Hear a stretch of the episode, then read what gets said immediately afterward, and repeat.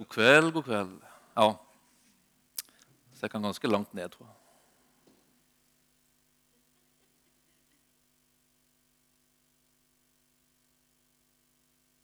Jeg sa til Ida at vi, Det var jo litt sånn i siste liten Vi hadde egentlig noen andre planer. Noen litt sånn eh, grunnleggende undervisning for Vi har en del nye på veien i bibelgruppene. Litt sånn internt. Men så ble passa ikke det helt til slutt. og så, så tenkte jeg da tar vi tre kvelder om uh, det her istedenfor. Uh, for det her er jo grunnleggende, men det kommer ikke til å bli kjempe um, Det blir grunnleggende, men ikke bare grunnleggende i løpet av de her kveldene. Velkommen forresten til uh, kveldsbibelskole. Eh, tre torsdagskvelder om korset. Eller eh, forsoningen, som du heter. Kanskje litt mer sånn eh, Jeg vet ikke hvor mange er kjent med det begrepet forsoningen? Noen? Ja. Det er egentlig gjerningen på korset. Det Jesus gjorde på korset.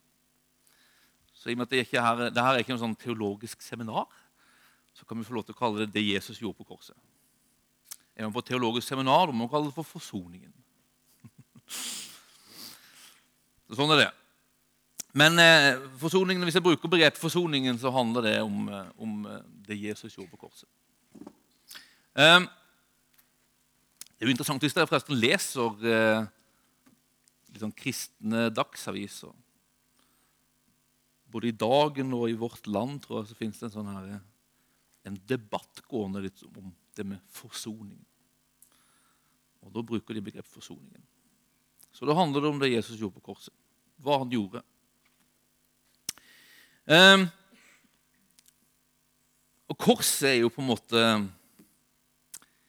det er sentrum av den kristne troen på mange måter. Det er det avgjørende for om vi har en kristen tro eller ikke. Det er faktisk det Paulus sier. Korsgjerningen, og det er både døden og oppstandelsen. Uten oppstandelse, sier han i 1. Korinterbrev, så er vår tro liksom forgjeves. sier han.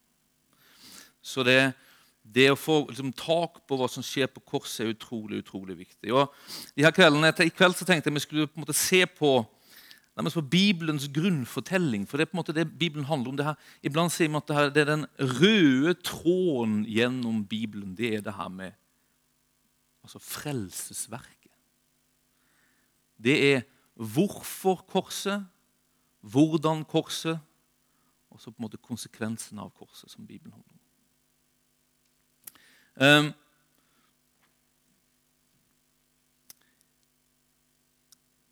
så vi skal se på det kveld, neste to kveldene så blir det mer en sånn dypdykking i, i liksom visse bilder som Bibelen bruker for å beskrive korset. Hva som skjedde der, og hva resultatet av det ble.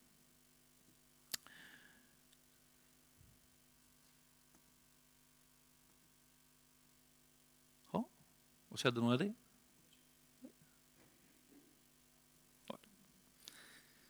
En som heter Leon Morris.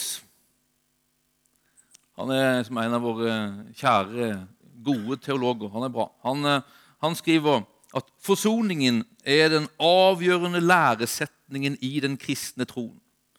Om vi ikke havner rett her, så spiller det liten rolle om vi finner rett i andre deler av læren. Vet, uten forsoningen så fins det nemlig ikke noen frelse. Og uten frelse så er det bortkasta å få tak på andre deler av den kristne læren, har jeg lagt til der. Jeg bare legge til litt. Vet, når teologer sier noe, så er det lov å legge til og trekke fra. En som heter Emil Brunner, er teolog, han sier så her at den som forstår korset rett, forstår Bibelen. Jeg tror at det er veldig rett, faktisk. Det å forstå korset, hva som skjer på korset, hva er på en måte hjertet bak korset, er faktisk avgjørende for å forstå Bibelen. Jeg tror at du, Når du leser Bibelen, så, så tror jeg du må lese Bibelen med korslinser på.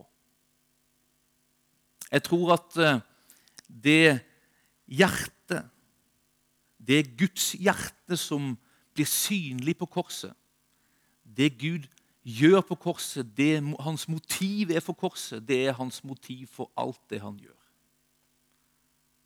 Så det korset uttrykker, det uttrykker Guds hjerte, Guds vilje, Guds tanke, Guds vesen og hans natur. Og jeg tror vi må forstå alt det han sier, i lys av det. Det er, det en Gud som har det hjertet som korset viser, som taler gjennom hele Bibelen. Det er litt viktig, for at bibelordet kan misbrukes. En uh, kjent predikant han sa sånn at det å bruke Bibelen, lese Bibelen, formidle Bibelen uten å kjenne Gud, det er livsfarlig. Så det handler om å lære å kjenne Gud.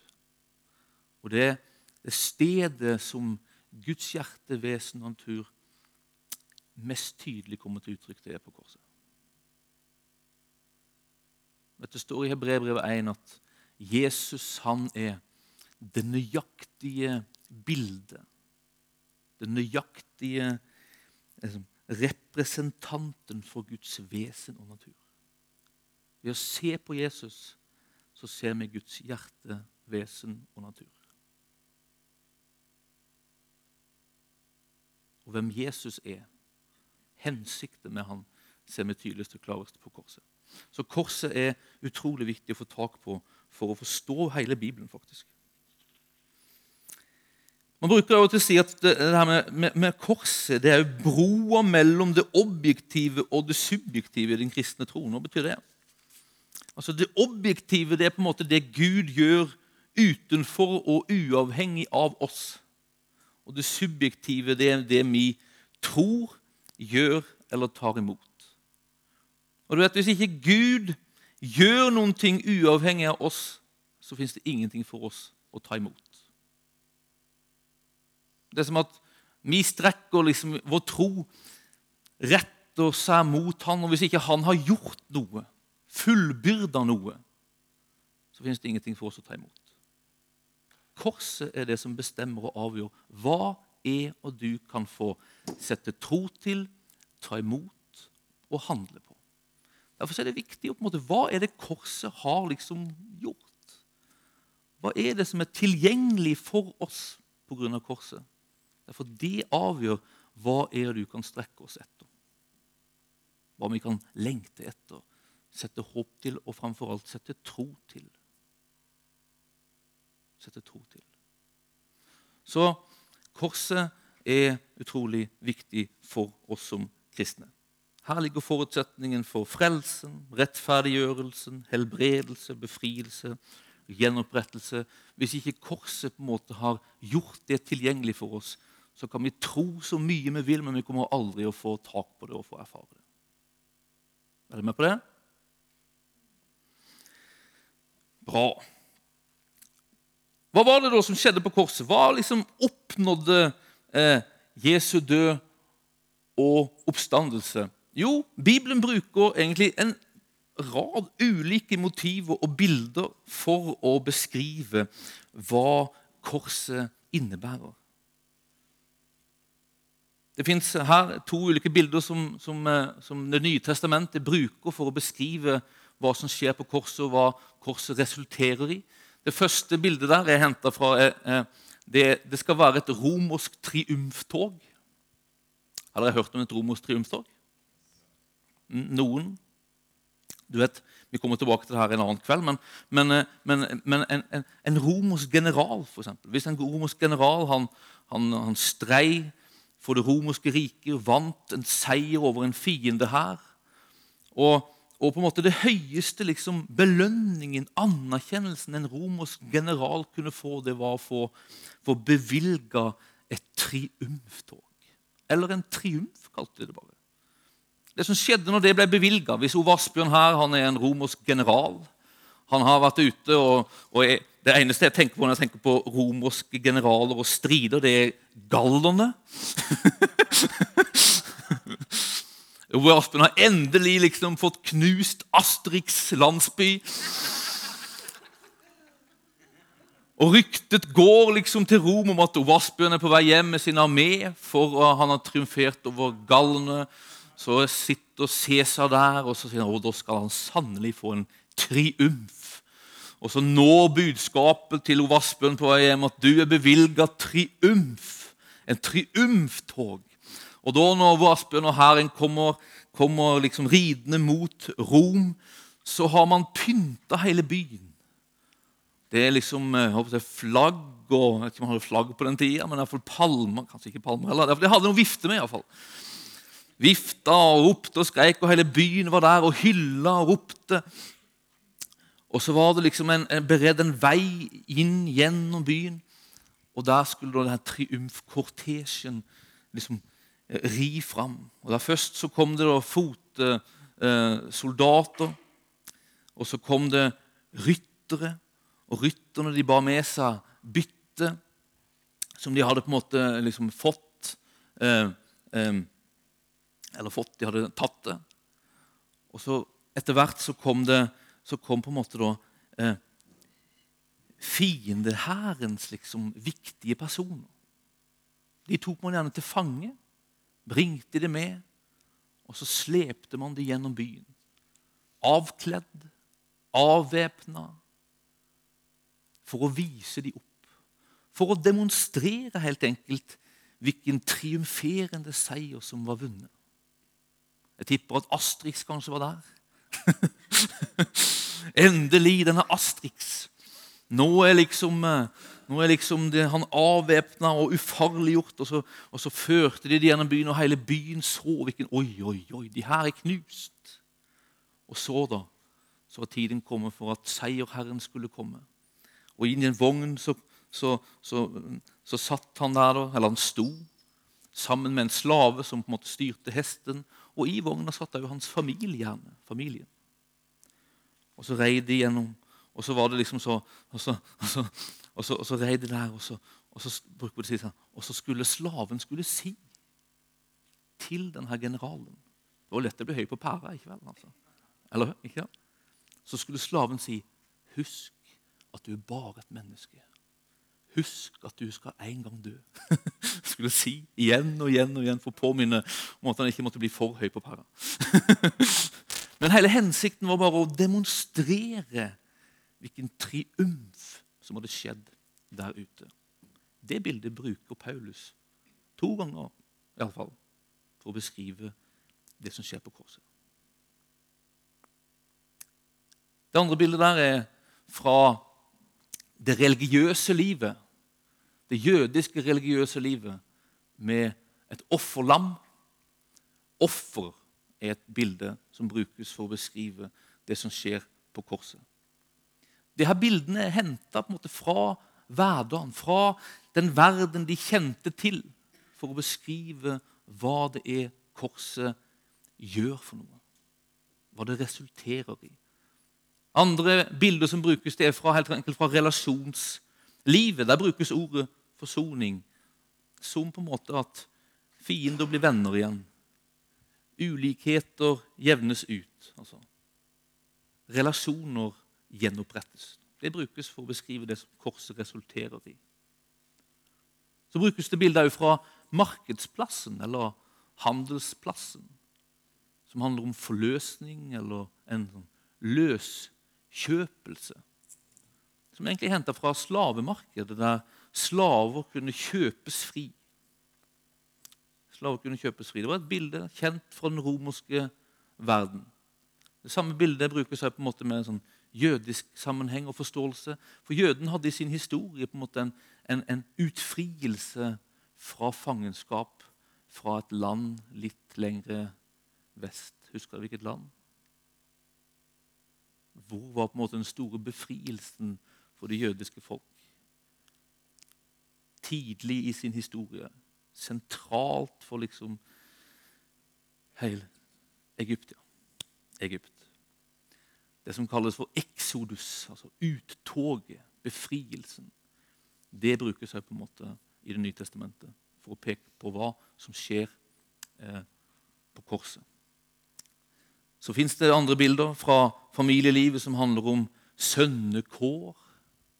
barneskap, òg resultat av korset og forsoningen. Så det er ulike bilder som brukes. Jeg tenkte de her kveldene så skal vi liksom dykke litt i de her bildene, se på de i bibelordet og på en måte liksom se det, få tro på det og liksom ta imot det. Så det blir på en måte eh, de andre kveldene. Jeg vet ikke om vi rekker så langt på akkurat det i kveld. Fordi forutsetningen for til å komme dit at eh, korset på en måte blir nødvendig, det ligger i å få tak på et par faktorer som gjør at det blir nødvendig. Eh, det er to faktorer som gjør at korset blir nødvendig. Og man kan si så her, Årsaken til korset ligger i møtet mellom to faktorer. Og Det ene er Guds natur. Det skal det bildet der til høyre liksom peke litt på. Guds natur. Og det til venstre peker på menneskets tilstand. Det oppstår på en måte en situasjon i møtet mellom Guds natur og menneskets tilstand som gjør at korset blir nødvendig.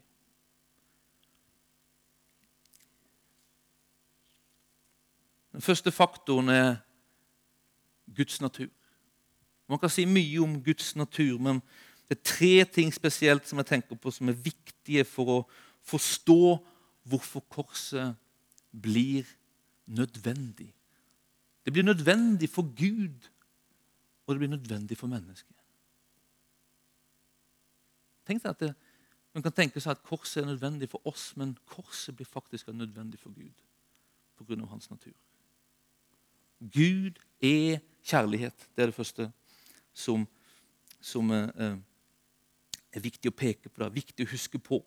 Det er at Guds natur og vesen er kjærlighet. 1. Johannes brev, kapittel 4. Hvis du har med deg Bibelen, så kan du godt slå opp det. Det er jo bra når man har kveldsbibelskoler med Bibelen. Ta litt tid til det og så slå opp Bibelen og lese noen av de versene vi bruker. Eh,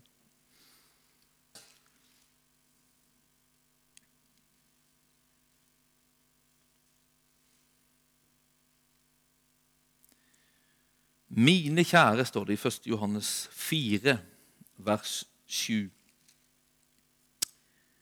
Mine kjære, la oss elske hverandre, for kjærligheten er fra Gud. Og hver den som elsker, er født av Gud og kjenner Gud.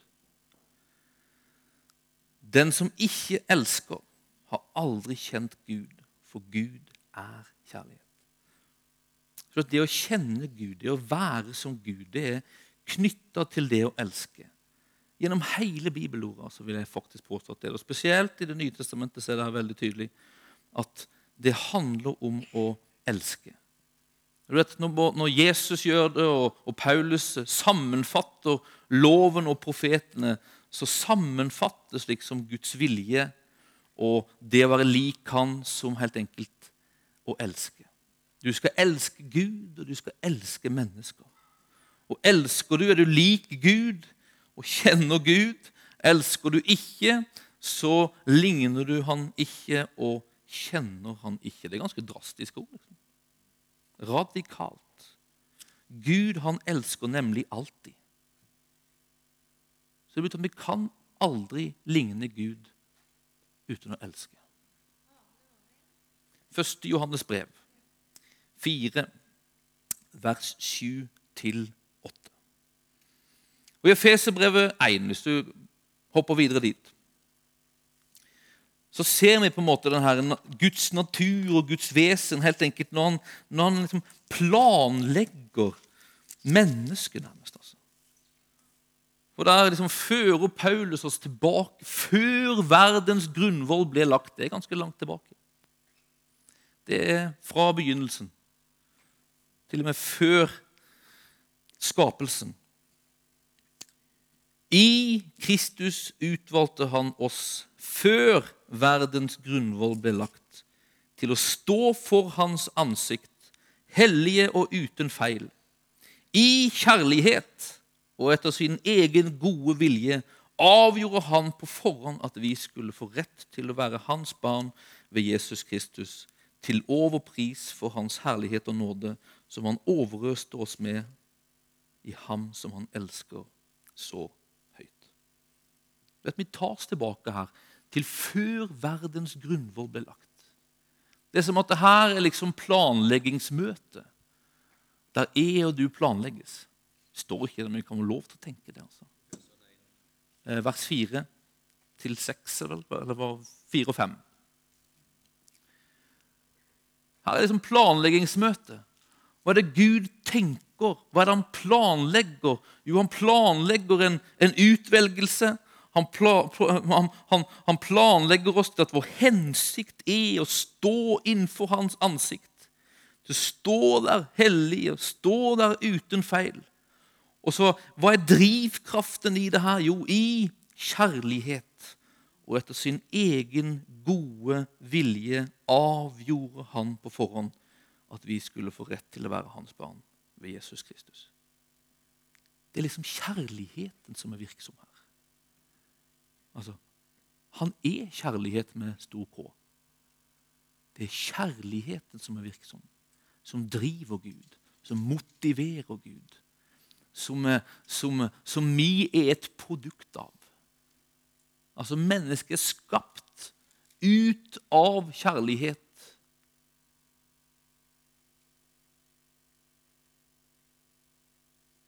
I kjærlighet, for kjærlighet. Det er Guds vesen og hans natur. Og det her er din og min hensikt. Det er fellesskap med Han. Vi er skapt for fellesskap med Han. Kjærligheten kjærlighetens vesen som handler om å være for noen andre. Være for noen andre.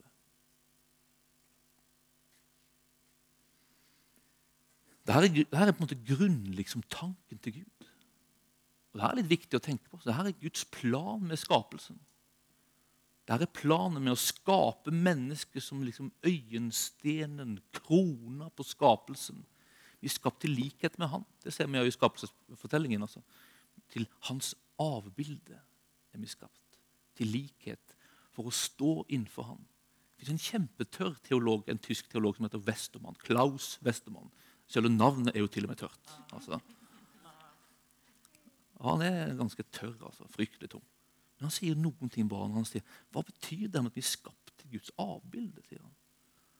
Og Så sier han jo, det betyr at noe kan skje mellom oss og Gud. Det var dypt. Men noe kan skje. Vi kan relatere. Vi kan stå innenfor ham. Ha relasjon. En kjærlighetsrelasjon. Det er hele Guds hensikt det er hele hans plan med å skape oss. Og det er viktig for å forstå hvorfor korset blir nødvendig. Det er for at Gud i sin kjærlighet er òg hellig og rettferdig. Altså Han er ikke kjærlighet og så hellig og rettferdig. Av og til så, så splitter man nesten Gud. Så altså Man skaper nesten motsetninger i ham. At han er, han er kjærlig, han er god, og så tenker man at ja, den kjærligheten, det er da liksom alt ok. Men han er jo òg hellig. Så på en måte helligheten strider på en måte mot kjærligheten. Begrenser kjærligheten. liksom Stagger kjærligheten.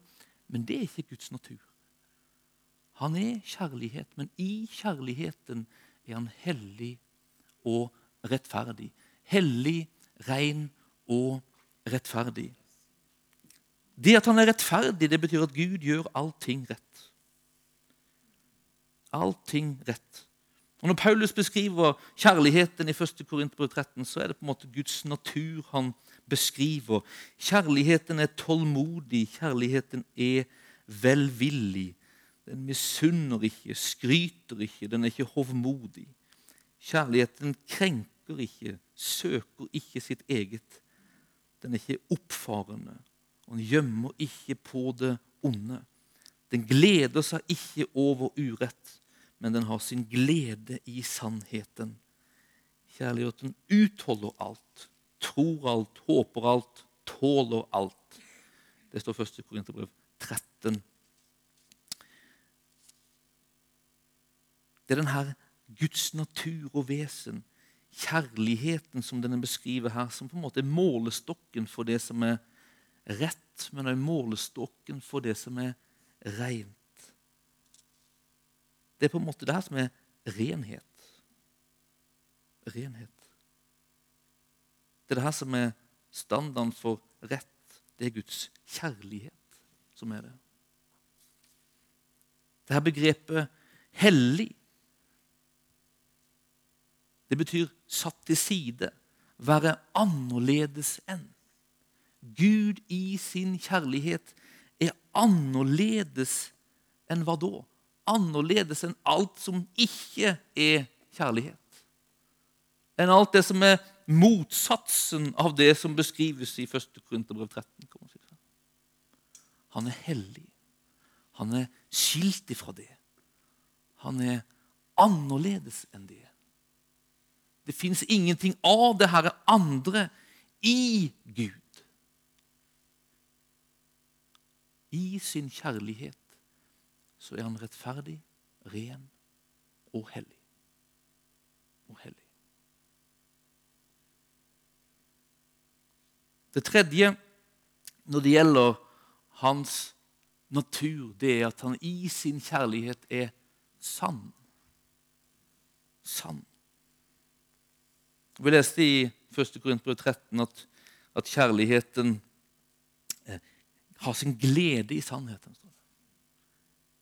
Og Sannhet handler om å være trofast i alt han gjør. Men det handler òg om at han ikke kan gå imot sin egen natur. Gud må elske. Gud må være for mennesker. Altså Det ligger til hans natur å være for mennesker. Men det ligger også til Guds natur at han må være rettferdig. Han må være skilt ifra det som ikke er kjærlighet. Og han må være ren. Så han er sann. Han er trofast mot sitt ord, men også trofast mot sin natur. Det vi kaller loven, kan man si sånn, er egentlig en beskrivelse av Guds natur. Loven handler jo på en måte om hva vi skal gjøre og ikke gjøre. Og Egentlig er det knytta til Guds natur. Vi skal ikke lyve fordi Gud lyver ikke. Vi skal ikke drepe fordi Gud dreper ikke. Det er en slags beskrivelse. Så Paulus, når han, når han taler om loven, så, så, er loven på en måte Ikke ond, men loven på en måte er noe dårlig i den forstand at, at vi skal bruke loven som en slags frelsesvei. Ved å gjøre ting skal vi oppnå noe hos Gud. Det er liksom den liksom delen av loven, den måten å bruke loven på, den sier Paulus, det er liksom forbi det har opphørt. Men han sier samtidig at loven den er hellig og god, sier han. I den forstand at loven peker på Guds natur. Så vi har glede av å lese loven. Men vi skal ikke på en måte begynne å gå på lovens vei, som sier 'gjør, og du skal leve'. Det tilhører en annen pakt, den gamle pakten. Så det her er Guds natur. Og Den andre faktoren som er viktig for å forstå korset, det er menneskets tilstand. Og Da mener jeg menneskets tilstand etter syndefallet. Altså synden kommer inn i verden. Synden kommer inn over mennesket.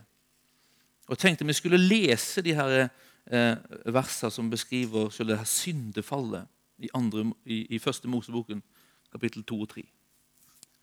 Jeg vet ikke på en måte hvor liksom, ofte dere leser første Mosebok. Eh, men det her er på en måte er utrolig viktig og grunnleggende. Altså. Dette er opprinnelsen. Dette er det som, som skjer når, måte, når, når, relasjonen mellom den fullkomne Guden blir ødelagt. Relasjonen mellom menneske og Gud blir ødelagt pga. at synden kommer inn i verden, og ikke bare inn i verden, men kommer over mennesket. Vi leser noen vers der fra kapittel 2 først. Det var ganske, gikk ganske fort å finne det. gjorde det ikke det? Vers 8. Herren Gud planta i gammel tid en hage i Eden. står det. Kapittel 2, vers 8. Der satte han mennesket han hadde forma. Og Herren Gud lot alle slags trær vokse opp av jorden, forlokkende å se på, gode å spise av, og midt i hagen livets tre og tre til kunnskap om godt og ondt.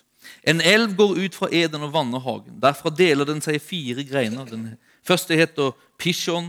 Det er den som går rundt hele landet, Havila, der det finnes gull. Gullet i det landet er godt. Det er Bedola, Kvae og onyxstein der. Greit å vite det. Den andre elven heter Gihon. Det er den som går rundt hele landet Kush. Den tredje elven heter Hidekil. Det er den som går øst for Assur. Den fjerde elven er Eufrat. Så tok Herren Gud mennesket og satte det i Edens hage til å dyrke og passe den. Og Herren Gud ga mennesket dette budet. Du må gjerne spise av alle trærne i hagen, men av treet til kunnskap om godt og ondt må du ikke spise, for den dagen du spiser av det, skal du dø. Dette er på en måte opprinnelsen. det her er alt er fryd og gammen. Og så settes det tre i hagen, tre som er gode å spise av. Og de får spise av de, unntatt dette ene treet. Treet til kunnskap om godt og ondt. Og så leser vi fra kapittel, 4, nei, kapittel 3, fra begynnelsen der, vers 1, at slangen var listigere enn alle ville dyr som Herren Gud hadde laget. Den sa til kvinnen, 'Har Gud virkelig sagt at dere ikke skal spise av noe tre i hagen?' Kvinnen sa til slangen, 'Vi kan spise av frukten på trærne i hagen.' Men om frukten på treet som står midt i hagen, har Gud sagt, 'Dere må ikke spise av den og ikke røre ved den, for da skal dere dø.' Da sa slangen til kvinnen, 'Dere skal slett ikke dø.' Men Gud vet at den dagen dere spiser av den, vil øynene deres bli åpnet, og dere vil bli som Gud og kjenne godt og ondt. Nå fikk kvinnen se at treet var godt å spise av og en lyst for øyet, et forlokkende tre, siden det kunne gi innsikt. Så tok hun av frukten og spiste. Hun ga også til mannen sin som var sammen med henne, og han spiste. Da ble øynene deres åpnet, og de skjønte at de var nakne. De flettet sammen fikenblader og bandt dem om livet. Da hørte de lyden av Herren Gud som vandret omkring i hagen i den svale kveldsprisen, og mannen og kvinnen gjemte seg for Herren Gud blant trærne i hagen. Men Herren Gud ropte på mannen og sa, 'Hvor er du?' Han svarte, 'Jeg hørte lyden av deg i hagen og ble redd fordi jeg er naken, og jeg gjemte meg.' Da sa han, 'Hvem har fortalt deg at du er naken?' 'Har du spist av det treet jeg forbød deg å spise av?'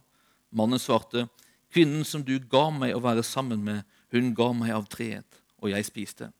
Herren Gud spurte kvinnen, 'Hva er det du har gjort?' Kvinnen svarte, 'Slangen narret meg, og jeg spiste.' Hvis dere var med nå, så har dere lest dagens bibellesning. og vel så Det Det er fint å lese litt Bibel og gjøre det sammen. Dette er jo kjente vers, men dette er på en måte den store katastrofen.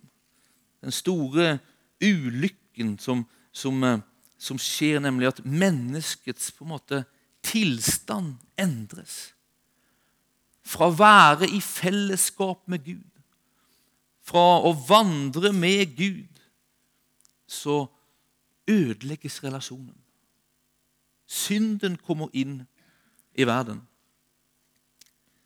Mennesket går sin egen vei, trosser Guds tiltale og ord. Hører på slangen. Slangens ord, egentlig, og forlokkende ord om å bli lik Gud. Eller helt enkelt bli Gud og bli uavhengig av Gud. Det er selve fallet. Vi er ikke skapt for uavhengighet, vi er skapt for avhengighet av Ham. Altså Selve syndens liksom natur er en slags opprørskhet eller en uavhengighet. Jeg vil klare meg sjøl, jeg vil gjøre det på min måte, dermed bombasta. Altså. Vi er skapt for avhengighet. Avhengighet. Og midt i en verden som opphøyer uavhengigheten, er vi skapt til å peke på en avhengighet. Vi er skapt for avhengighet av et fellesskap med Gud. Det vi ser på en måte i, i, i de her versene som på en måte følger, det er konsekvensene av synden. Mennesket innser sin nakenhet. Mennesket fylles av skam og frykt, hvilket leder til at mennesket gjemmer seg for Gud. At Gud søker etter mennesket, beskrives det her. Men mennesket gjemmer seg. Så taler Gud til mannen og til kvinna om hvilke konsekvenser det her får taler til slangen om at slangen skal krype på marken, taler til kvinner at hun skal føde med smerte, og havne i et feil avhengighetsforhold til mannen. Mannen skal råde over henne. Mannen skal arbeide med svette i ansiktet for å få ut det jorden har å gi. Dette er syndens konsekvenser. Destruktive krefter som ødelegger på en måte i relasjoner. Altså. I relasjoner. Derfor på en måte det som skjer på korset, det er en slags forutsetning for at relasjoner kan leges. Vet Dette påstår at det ikke er Guds opprinnelige tanke at mannen skal råde over kvinnen. Vet jeg, jeg, av og til så reiser liksom håret seg på Det gjør ikke riktig, det, men nesten. Altså, når jeg leser visse sånne her teologiske begrunnelser for at mannen er overordna kvinnen, så peker de på første, første Mosebok 3. Akkurat som at det var Guds vilje, men det er ikke Guds vilje. Det her er konsekvensen av synden. Det er syndens vilje. Altså, altså. Så en konsekvens av synden er en, en, en, en et slutt på, på måte, maktkamp mellom mann og kvinne.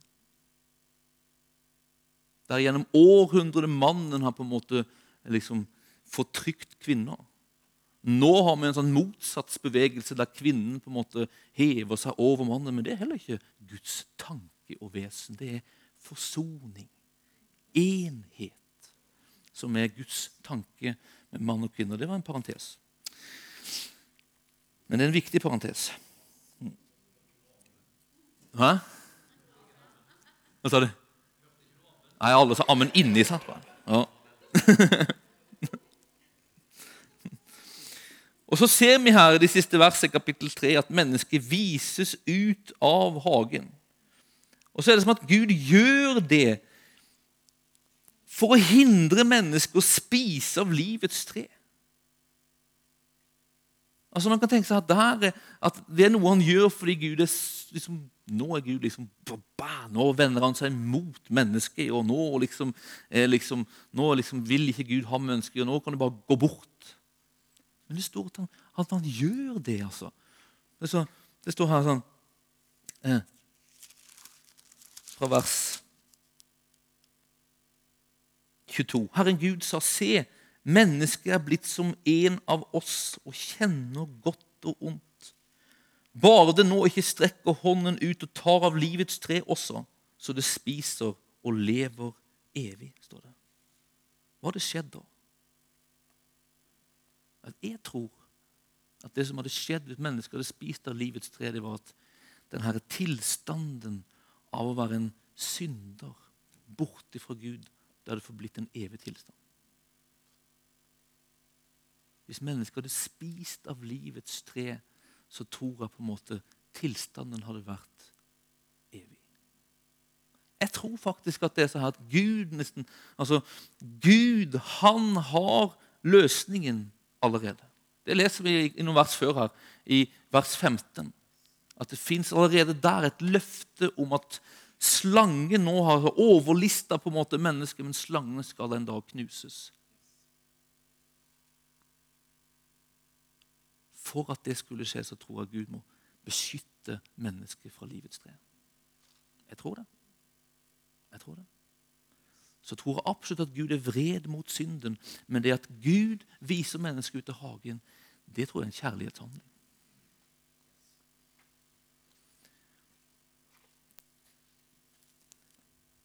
Så mennesket føres ut av hagen. Bort ifra Gud. Bort ifra Guds opprinnelige vilje og tanke, som var at vi skulle stå innenfor Han. Feilfrie, uten flekk. Så føres vi bort. Synden har kommet inn i verden.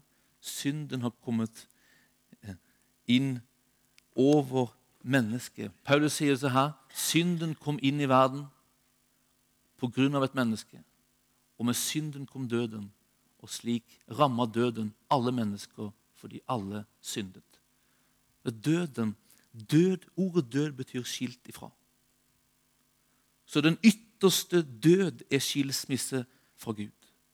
Det var skilt ifra Gud, borte fra Gud så er døden en destruktiv kraft som bryter ned. Helt enkelt, Det er som at resultatet av at vi er liksom skilt ifra kilden til liv Altså, Gud er jo liv. Resultatet at vi er skilt ifra, liksom, fra, fra, fra kilden av liv, det er at død virker destruktivt i våre liv og i verden. Døden kommer inn. Døden er virksom. Døden er virksom fordi livet fullt ut ikke er til stede.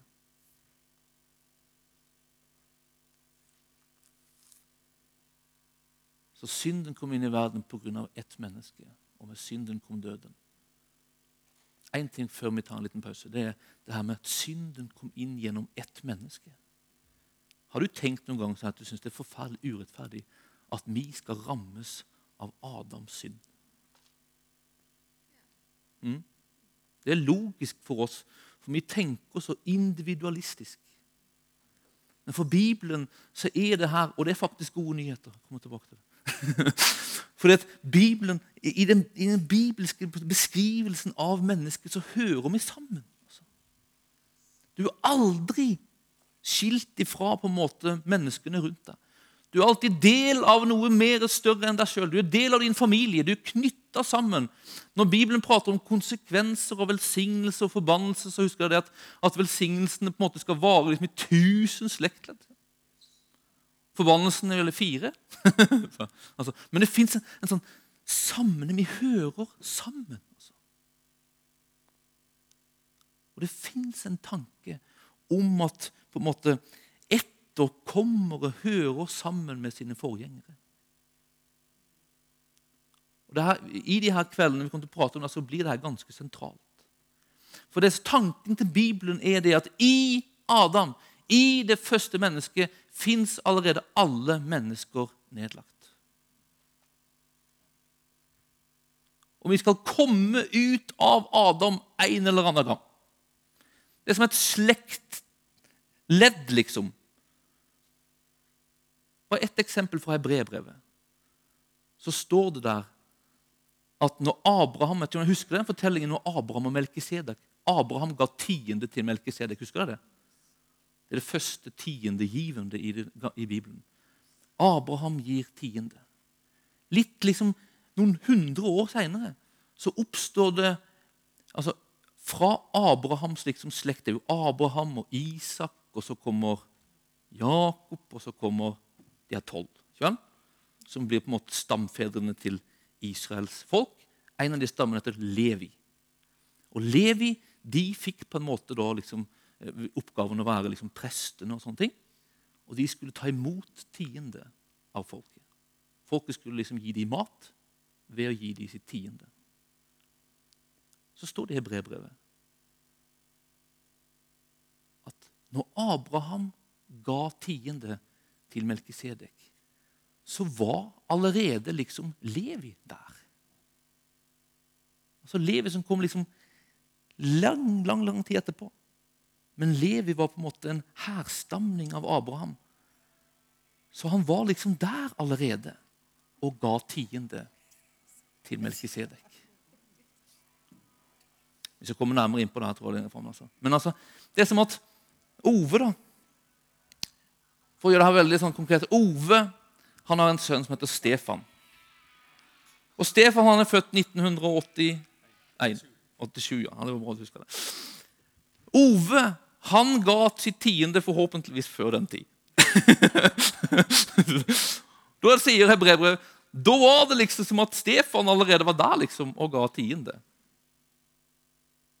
Hele argumentet handler på en måte om at denne, det er alltid på en måte den som er liksom den største og viktigste, får alltid ta imot liksom tiende.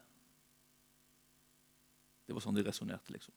Prestene var liksom, liksom De fikk ta imot tiende av folket.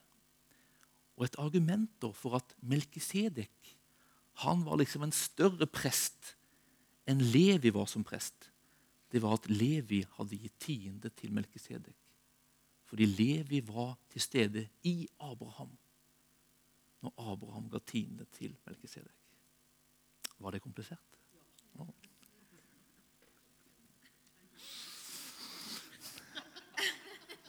Vi skal komme tilbake til det en annen kveld, tror jeg.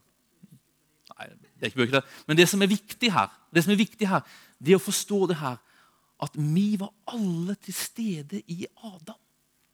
Så når Adam synda, så kom synden inn og ramma Adam. Men da ramma det oss. Så vi som kommer fra Adam, vi bærer synden. Den synden som egentlig Adam slapp inn. For vi bærer liksom frukten av.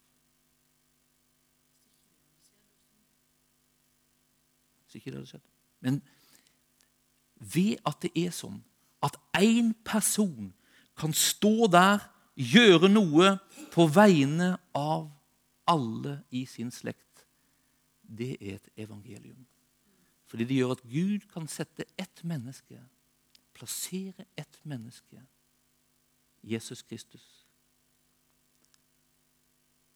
som kan utføre et verk på korset, ikke bare for sin del, men for alle oss andre. For grunn av at det er sånn at Adam liksom blir liksom slekt, første slekt, menneskeslektet, så kan Gud plassere ett menneske og begynne en ny slekt.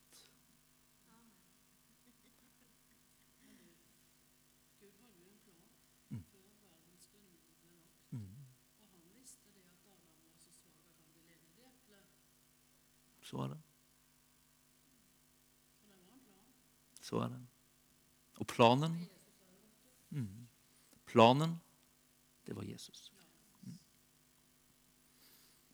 Den siste Adam.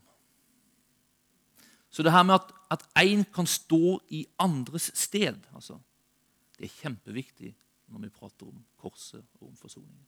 Stedforetredende. En stedforetredende død. Jesus kunne dø i vårt sted. Fordi at denne tanken at ting hører sammen, fins der. Dette er litt av grunnen til at vi liksom har seks skoletimer om det. her. Det at Vi skal elte det her litt. Sånn at Forhåpentligvis skal det komme noe som heter åpenbaring. Så at vi skal se litt dypere på en måte hva korset handler om. Hva det uttrykker. Hvilken kjærlighetserklæring det er fra Gud. altså. Så er det. Så er det. Men Guds kjærlighet, altså, i møte med menneskets tilstand, skaper behov for korset. Det nemlig oppstår i det møtet et problem som vi skal prate om etter en liten pause. Break.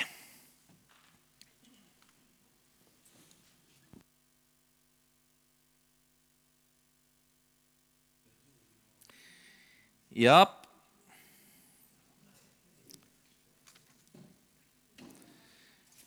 Så synden er altså det store problemet. Synden altså som fører til at døden kommer inn, skilsmisse mellom menneske og Gud. Det her med at Adam synder, det er det det samme som at alle synder. Adam dør betyr at alle dør. Det er viktige ting å tenke på faktisk, å ha med seg. For det betyr at når én kommer og soner straffen, tar på seg konsekvensen av synden, så kan han gjøre det i alles sted. Så når han soner din og min straff på Golgata kors, så, så sones alles straff. Gud kunne sette et nytt menneske, der. Et nytt menneske der. Så i det her på en måte møtet mellom Guds natur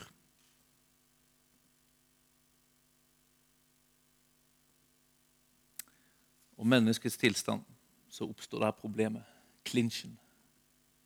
Gud, som er kjærlighet, som er i sin kjærlighet rettferdig, hellig, skilt ifra det som ikke er kjærlighet, det som er synden, altså ondskapen.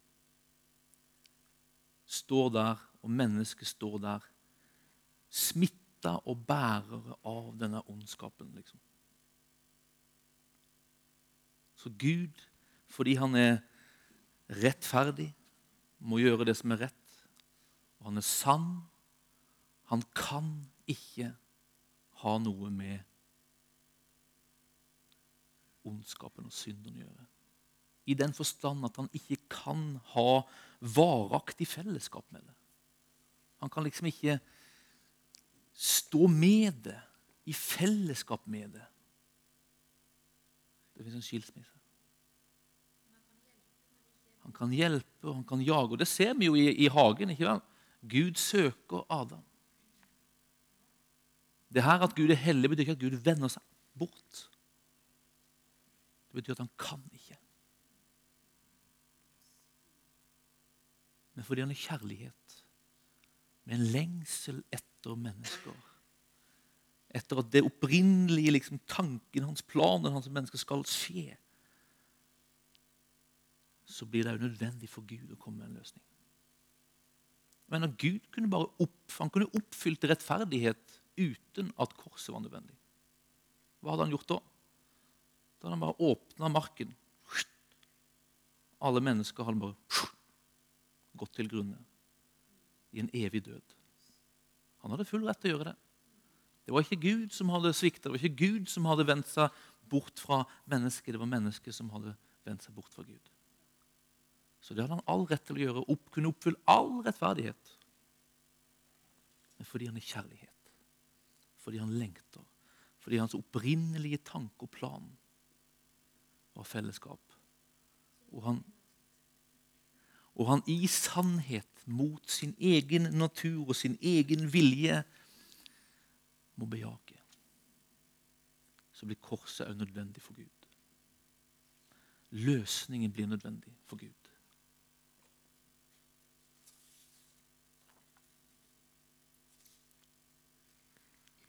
Så Det er et, bilde på en måte situasjonen som har oppstått. Det er, jeg bruker å bruke, det er et veldig forenkla bilde. Men min hustru jeg tror jeg har fortalt den før, min hustru hun elsker katter. Katter, ja. Tro det den som kan. Hva sa du? Mannepinn. Jeg skal hilse at du må vokte seg for dette. Eller?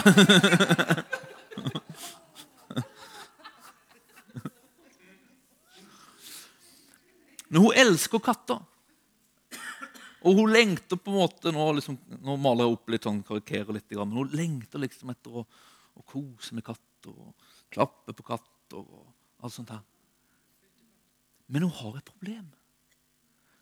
Fordi katter bærer noe som kalles for et allergen, som er et slags proteinmolekyl lengst ned i hårroten, som hun er allergisk mot. Jeg er glad i katter, altså. Ja. Men hun som elsker katter, vil ha fellesskap med katter. Hun tåler ikke noe katten bærer. Hun kan ikke ha fellesskap med katter som hun vil, fordi katten bærer noe som Sandras nærmest liksom natur da ikke tåler. Det som skjer på en måte når hun er med katter, er at hun får en allergisk reaksjon. Det er tett og sagt. Så fellesskapet er umulig. Det er et veldig forenkla bilde. Og Ofte tenker vi så her at Gud han tåler ikke synd, for når Gud kommer i nærheten av synd, så bare liksom sånn får han en slags reaksjon. Og det kan man si sånn at det, kan, Gud kan ikke ha fellesskap med synd fordi at han er skilt fra den. Han er annerledes enn den. Men i det fins det på en måte òg en slags Det at Gud ikke kan ha fellesskap med synd. I det fins det faktisk en slags beskyttelse for oss. Fordi vår natur, natur, vårt tilstand, tåler ikke Gud. Hvis vi kommer innenfor Gud, så blir vi ødelagt i vår syndige tilstand. Da er det som at det oppstår en slags reaksjon som gjør at vi går unna. Du kan ikke se Gud, stå i Gamle testamentet, og leve. Det er konsekvensen av synden. Altså. Vi har et stort problem. Fellesskapet er umulig. Fordi Guds natur i møte med menneskets tilstand gjør det umulig. Så løsningen Hva er løsningen? Løsningen er Det er korset. Det er korset. Vi ser på en måte allerede i 1. Mosebok kapittel 3 at, eh, at Gud har en løsning på gang. Jeg vil sette fiendskap mellom deg og kvinnen, sier han til slangen. Mellom din ett og hennes ett. Den, altså etten, eller ettlingen, altså den som skal komme ut fra kvinnen, denne ettlingen, skal ramme ditt hode, men du skal ramme dens hæl. Ramme ditt hode, står det. Knuse ditt hode, står det for den svenske bibeloversettelsen. Så ut fra menneskeslekten, ut fra kvinnen, skal Guds løsning komme. Skal Guds løsning komme. Men Gud har et problem med det. Det er for at Paulus han beskriver synden, at syndens lønn er døden. Det var det vi på en måte har hørt helt fra begynnelsen. Spiser du av det treet, så skal du dø.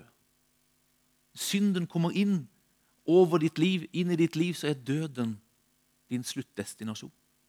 Altså Det er som at det hviler en dødsstraff altså, over det mennesket som bærer synden. Det er den rette konsekvensen. Det er syndens lønn. Altså Det er som at synden krever død. Synden krever død. Altså, ja, det kan du si.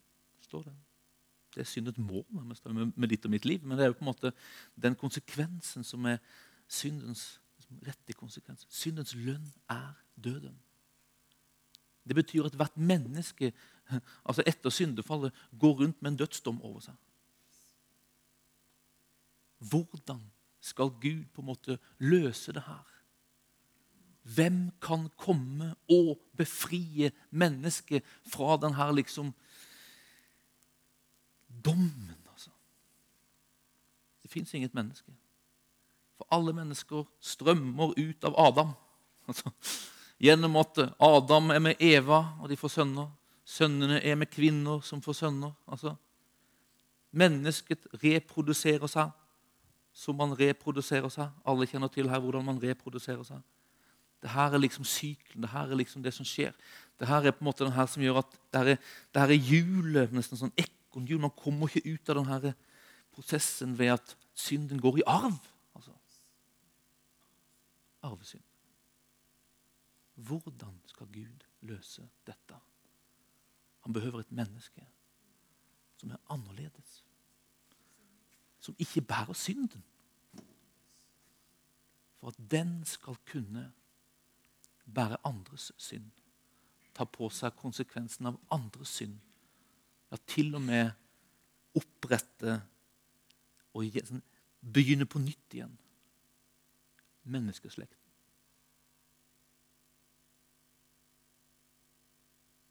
Løsningen blir at Gud sjøl kliver ned i Jesus Kristus og forsoner verden med seg sjøl. Det står sånn i 2. Korinterbrev kapittel 5.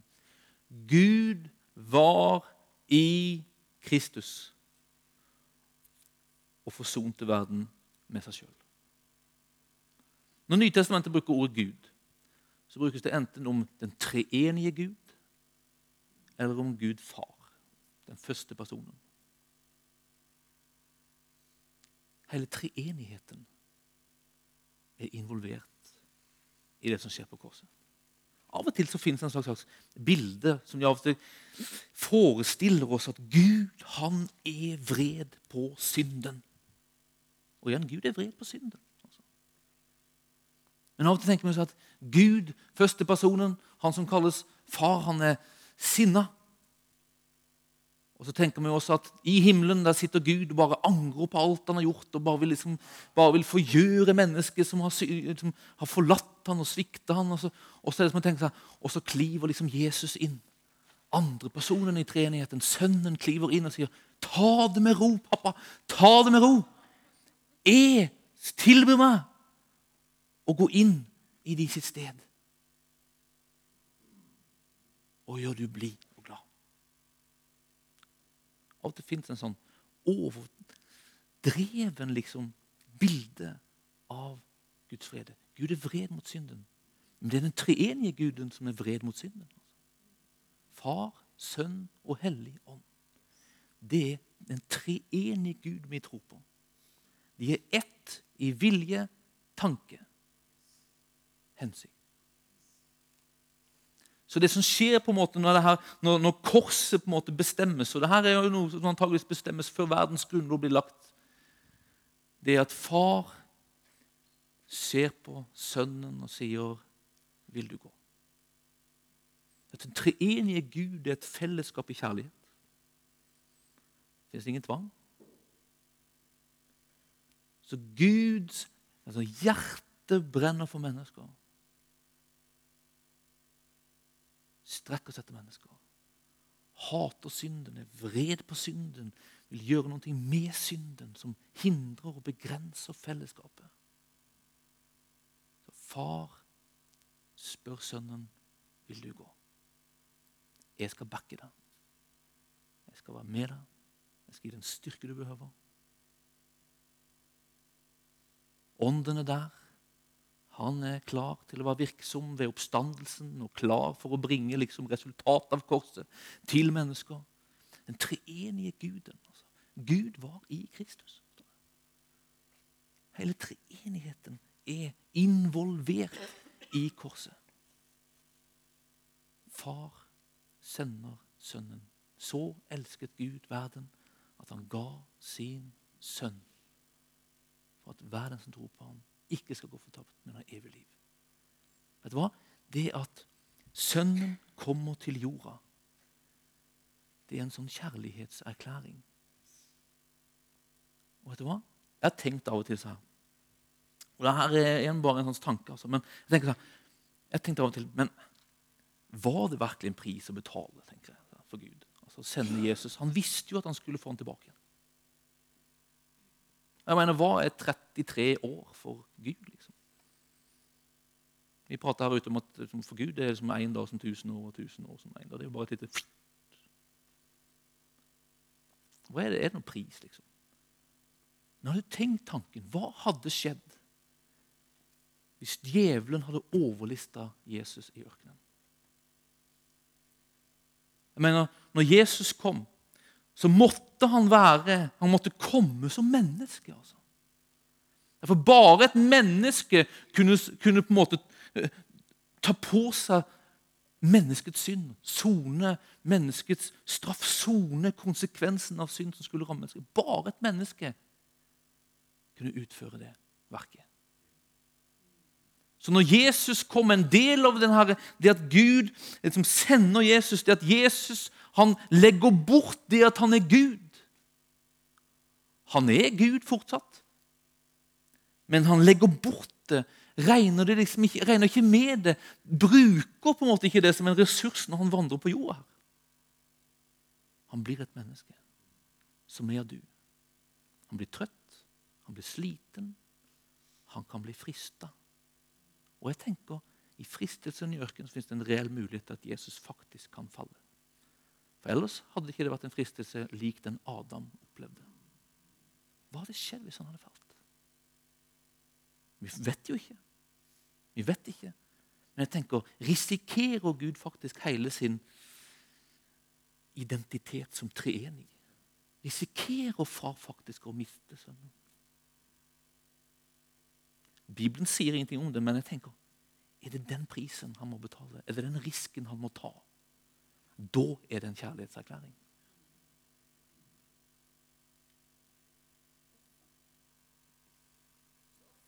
Mm. Det er et offer. Det er et virkelig offer.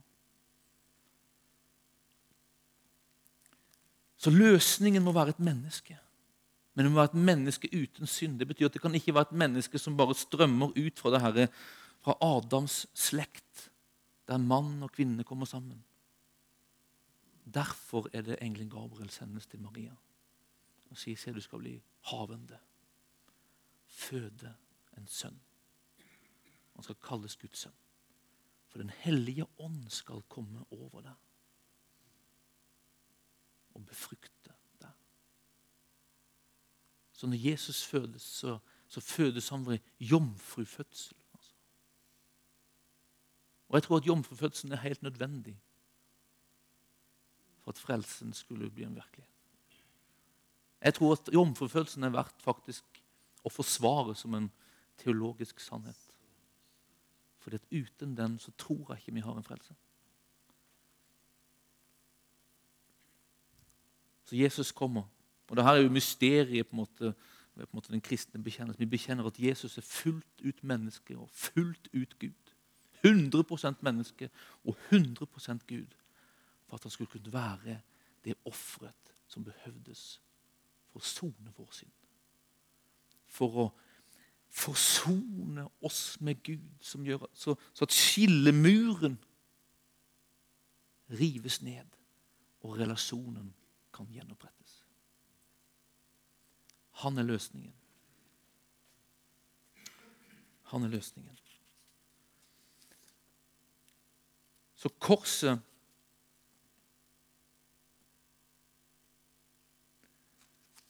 Korset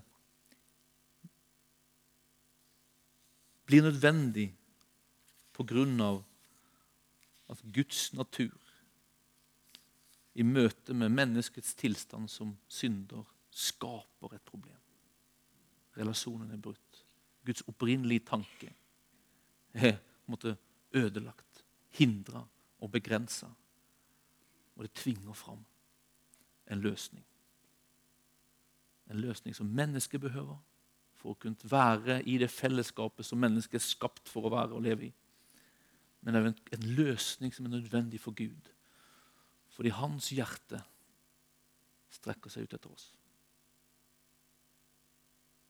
Hans hensikt med skapelsen er du og meg og fellesskap med oss. Der ligger din verdi. Der ligger din verdi. Et menneskes verdi ligger i Dette er markedsøkonomi. Markedsøkonomi sier så her at en vare er verd det noen er villig til å betale for den. Så enkelt er det. Din verdi ligger i hvor mye Gud, som er sannhet, er villig til å betale for. Han var villig til å sende Jesus. Han var villig til å risikere å miste Jesus. Han var villig til å risikere hele sin identitet som den treenige Gud for å vinne du. Det er din verdi. Tror du det?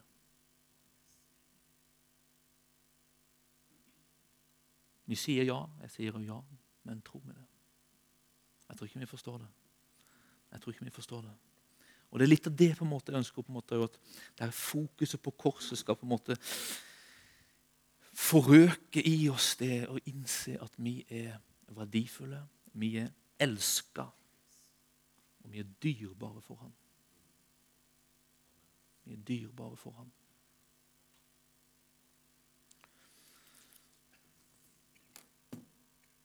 Så her er på en måte Bibelens grunnfortelling.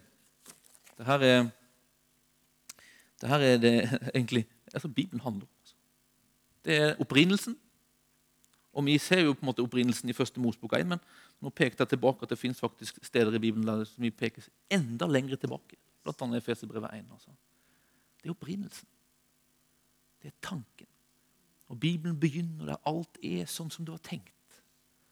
Der Gud har skapt mennesket ut av kjærlighet. Han har skapt det i kjærlighet. Han har skapt det for kjærlighet. Og mennesket lever i denne kjærligheten til katastrofen skjer. I kapittel 2 og kapittel 3 heter det. Skjer, skjer katastrofen. At synden kommer inn i verden og ødelegger allting.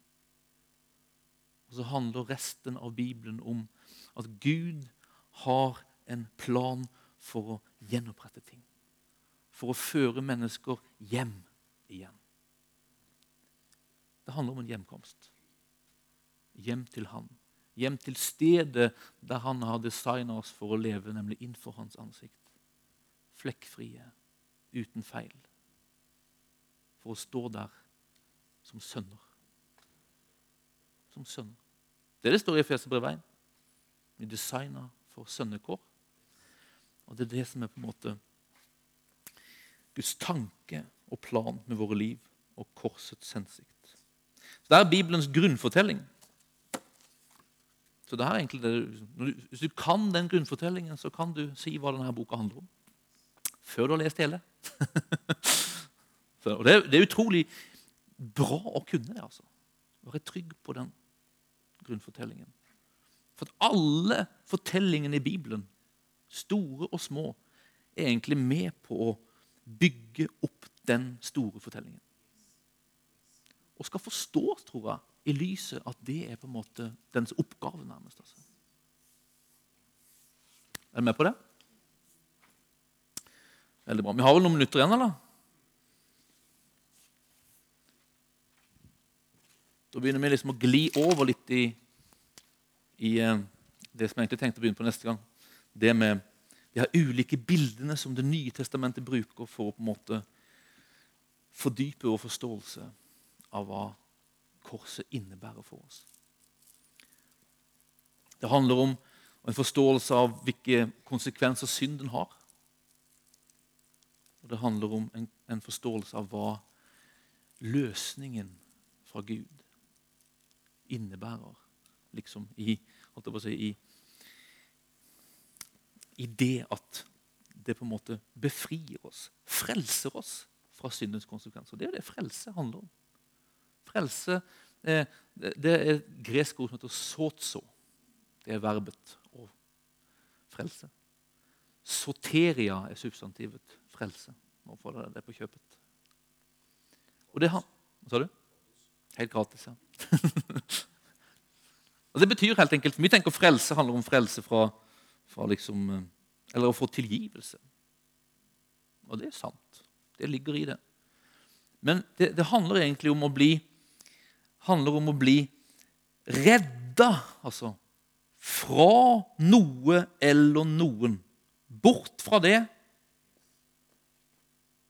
Og så handler det òg om at man blir redda eller helbreda eller befria eller gjenoppretta fra de konsekvensene og skadene som den tidligere på en måte situasjonen har skapt. Det ligger i begrepet frelse. Så når denne kvinnen med blodgang rører ved Jesu kappe, så, så sier Jesus når hun blir helbredet, 'Din tro har frelst deg'. Da handler det om at helbredelse er frelse. Altså. Derfor at det er legedom fra skadene som synden og ondskapen i denne verden har årsak i den kvinnens liv. Så det er frelse. Så Gjennom å bruke de her ulike bildene så får vi forstå hva er det frelse innebærer. Hva er det på en måte som ligger i frelsen? Hva er det som er fullbyrda på Golgata kors?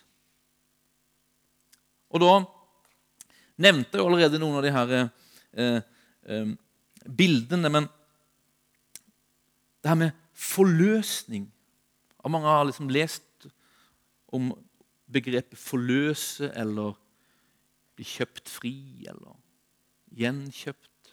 Brukes flere steder i Det nye testamentet. Løsepenge er et sånt begrep. Jesus sier sjøl at hans, hans, død skal innebære en løsepenge. Og Det, det, det henter på en måte fra, fra markedsplassen, og særlig da slavemarkedet, der man kunne kjøpe slaver. Og i teorien kunne man kjøpe de fri.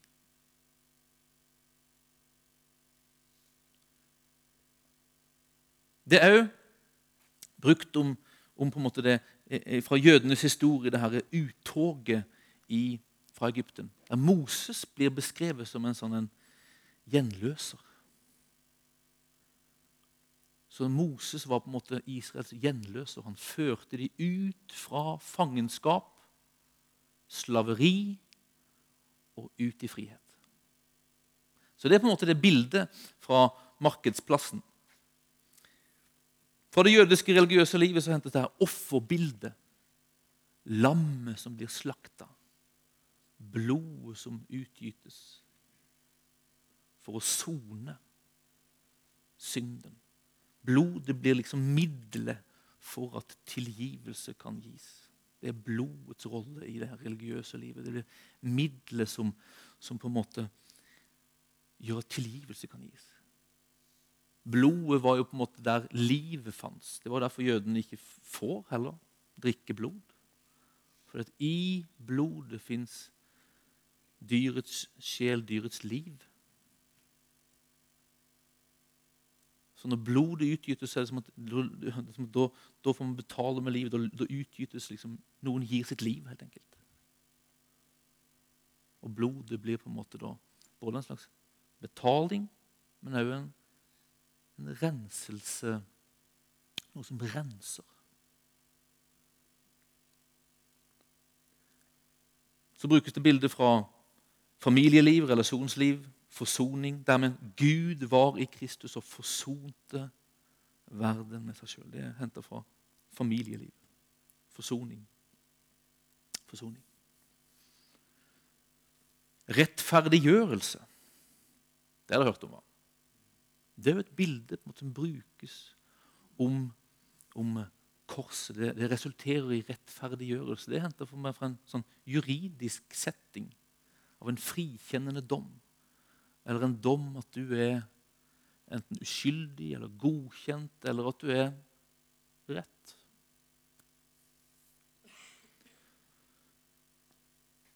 Og så fins det seiersmotivet. da. Stridsmotivet. Og så er på en måte fins det tekster i Det nye testamentet som peker på korset som Guds kjærlighetserklæring. Gud beviser sin kjærlighet. Gud åpenbarer sin kjærlighet. Og Alle de her fem-seks bildene tenker jeg, tenkte jeg vi skulle dykke liksom litt i de her kommende kveldene. Hvorfor liksom alle de her motiva?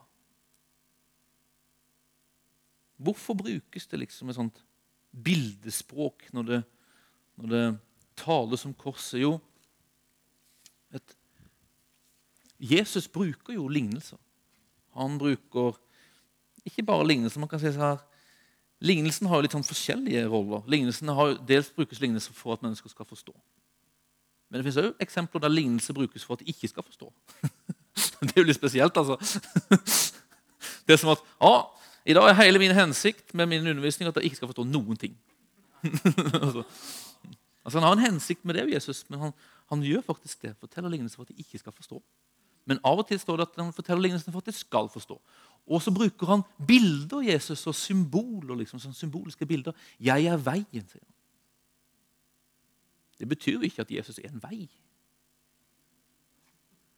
Men det gjør at når man, når man bruker det 'jeg er veien', så, så kjenner vi til der, liksom, fenomenet vei. Vi vet liksom hensikten med vei. Vi vet hva, hva veien gjør for noe. Og når han sier Jesus, 'jeg er veien', så forstår vi at Jaha, han er liksom som en vei. Så det samme som veien på en måte innebærer for mitt liv, så innebærer på en måte Jesus det for mitt liv. Altså Det er hensikten kan man si, med det her bildene. Og det er hensikten med, med, at de bruker, Når de skal forklare og beskrive korset og korsets konsekvenser, så, så bruker de de her bildene. Henter det fra en markedsplass. liksom. Og Når de hører liksom, ja, løskjøpelse og, ja, hmm, Løsepenger ja, det er jo fra markedsplassen. Da, da, skjer jo det på en måte at, at, man kommer dit, og så betaler man en løsepenge. og Resultatet av at løsepengen betales, det er jo at slaven på en måte kommer løs fra en slaveherre og over til en annen. det er at Jesus på en måte betaler en løsepenge. Jesus innebærer en løsepenge. Det innebærer at han kjøper det. Løs fra en situasjon. Hvilken situasjon? Jo, syndens situasjon. Og over i hans herredømme. Altså. I hans han. I hans eie. Altså. Det er det måte som bildet beskriver fra den virkelige verden som de var i. Eller en jøde tenker på en gjenløser, ah, som Moses var. Han kaltes for det. Så blir på en måte det, det Jesus gjør, det blir et nytt sånn et uttog fra en situasjon av slaveri og fangenskap. Fordi liksom hadde det vært Egypt, og sluttdestinasjonen Moses på en måte eh, førte inn var jo det forlovede landet, Kanan.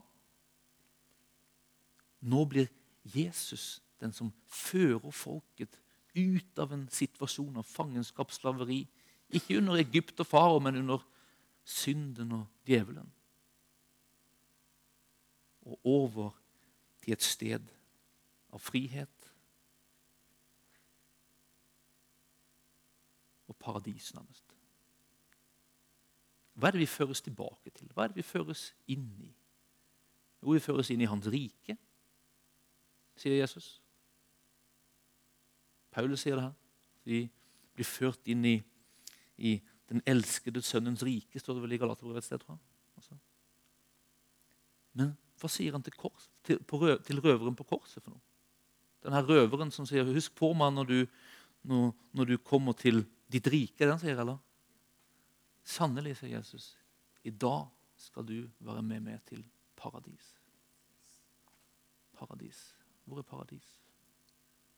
Ja, det kan man altså, Hvor er paradis? Men paradis peker jo tilbake til det opprinnelige paradis. Paraditso på gresk betyr hage. Tilbake til hagen. Tilbake til opprinnelsen. Tilbake til situasjonen. Tilbake til hensikten med ditt liv. Det står innenfor hans ansikt. Uten feil. Som sønn.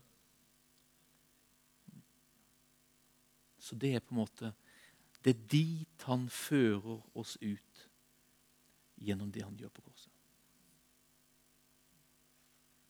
Så han, Det brukes de her de her beskrivelsene fra den verden de kjenner til, for at vi skal forstå hva er det korset innebærer for noe for oss. Og ved å fordype oss i det der, så kan vi få en rikere forståelse, faktisk.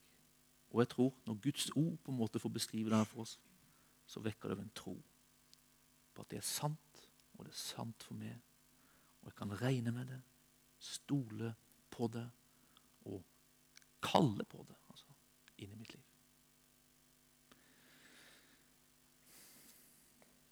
Jeg tror faktisk at vi skal slutte her. Jeg skal begynne på det første, det første på en måte Motivet er offer. Og man kan jo spørre seg her, Det finnes ulike bilder. Fins det på en måte noen bilder som er på en måte det grunnleggende, som er forutsetningen for alle andre bilder? Jeg må si at jeg er ikke helt i mål på det, faktisk, om det er så eller ikke. Men hvis det er noe motiv som er på en måte forutsetningen grunnleggende for alle de andre bildene, så tror jeg det er offerbildet. Der blodet på en måte blir sentralt. Jeg tror det. Derfor kommer vi bruke mest tid på det. Og Så kommer vi neste uke til å klive inn og lese litt om offerlam og sånn i Tredje Mosebok. Og så skal vi se hvordan Jesus blir offerlammet. Offerlammet. Se Guds lam, som bærer verdens synd. Vi har forbilder på det i Det gamle testamentet. Og Jesus oppfyller det for å sone vår synd. Amen? Hva sa du? Synden, ja. ja. Synden, vannflommen er på en måte, Der ser vi vreden mot synden. Og Vi ser det gang på gang på en måte at Guds vrede slår inn på den måten at jeg tror på en måte at Gud tillater helt enkelt konsekvensen av synd å ramme mennesker. Altså. Men så angår han jo det. Det er jo interessant. Det er et stort spørsmål i seg sjøl. Hva, hva, betyr at Gud angrer? Hmm, hmm. Og så står det andre steder at Gud kan ikke angre. Den kan vi løse fram til neste uke. Asbjørn. Det blir din lekse. Yes, suverent. Takk for i dag. Velkommen tilbake. Det her er spilt inn, så det går an å høre på det. Jeg vil si til de som ikke var i kveld, at de kan høre på det og komme neste uke og bare få liksom klive inn i fortsettelsen.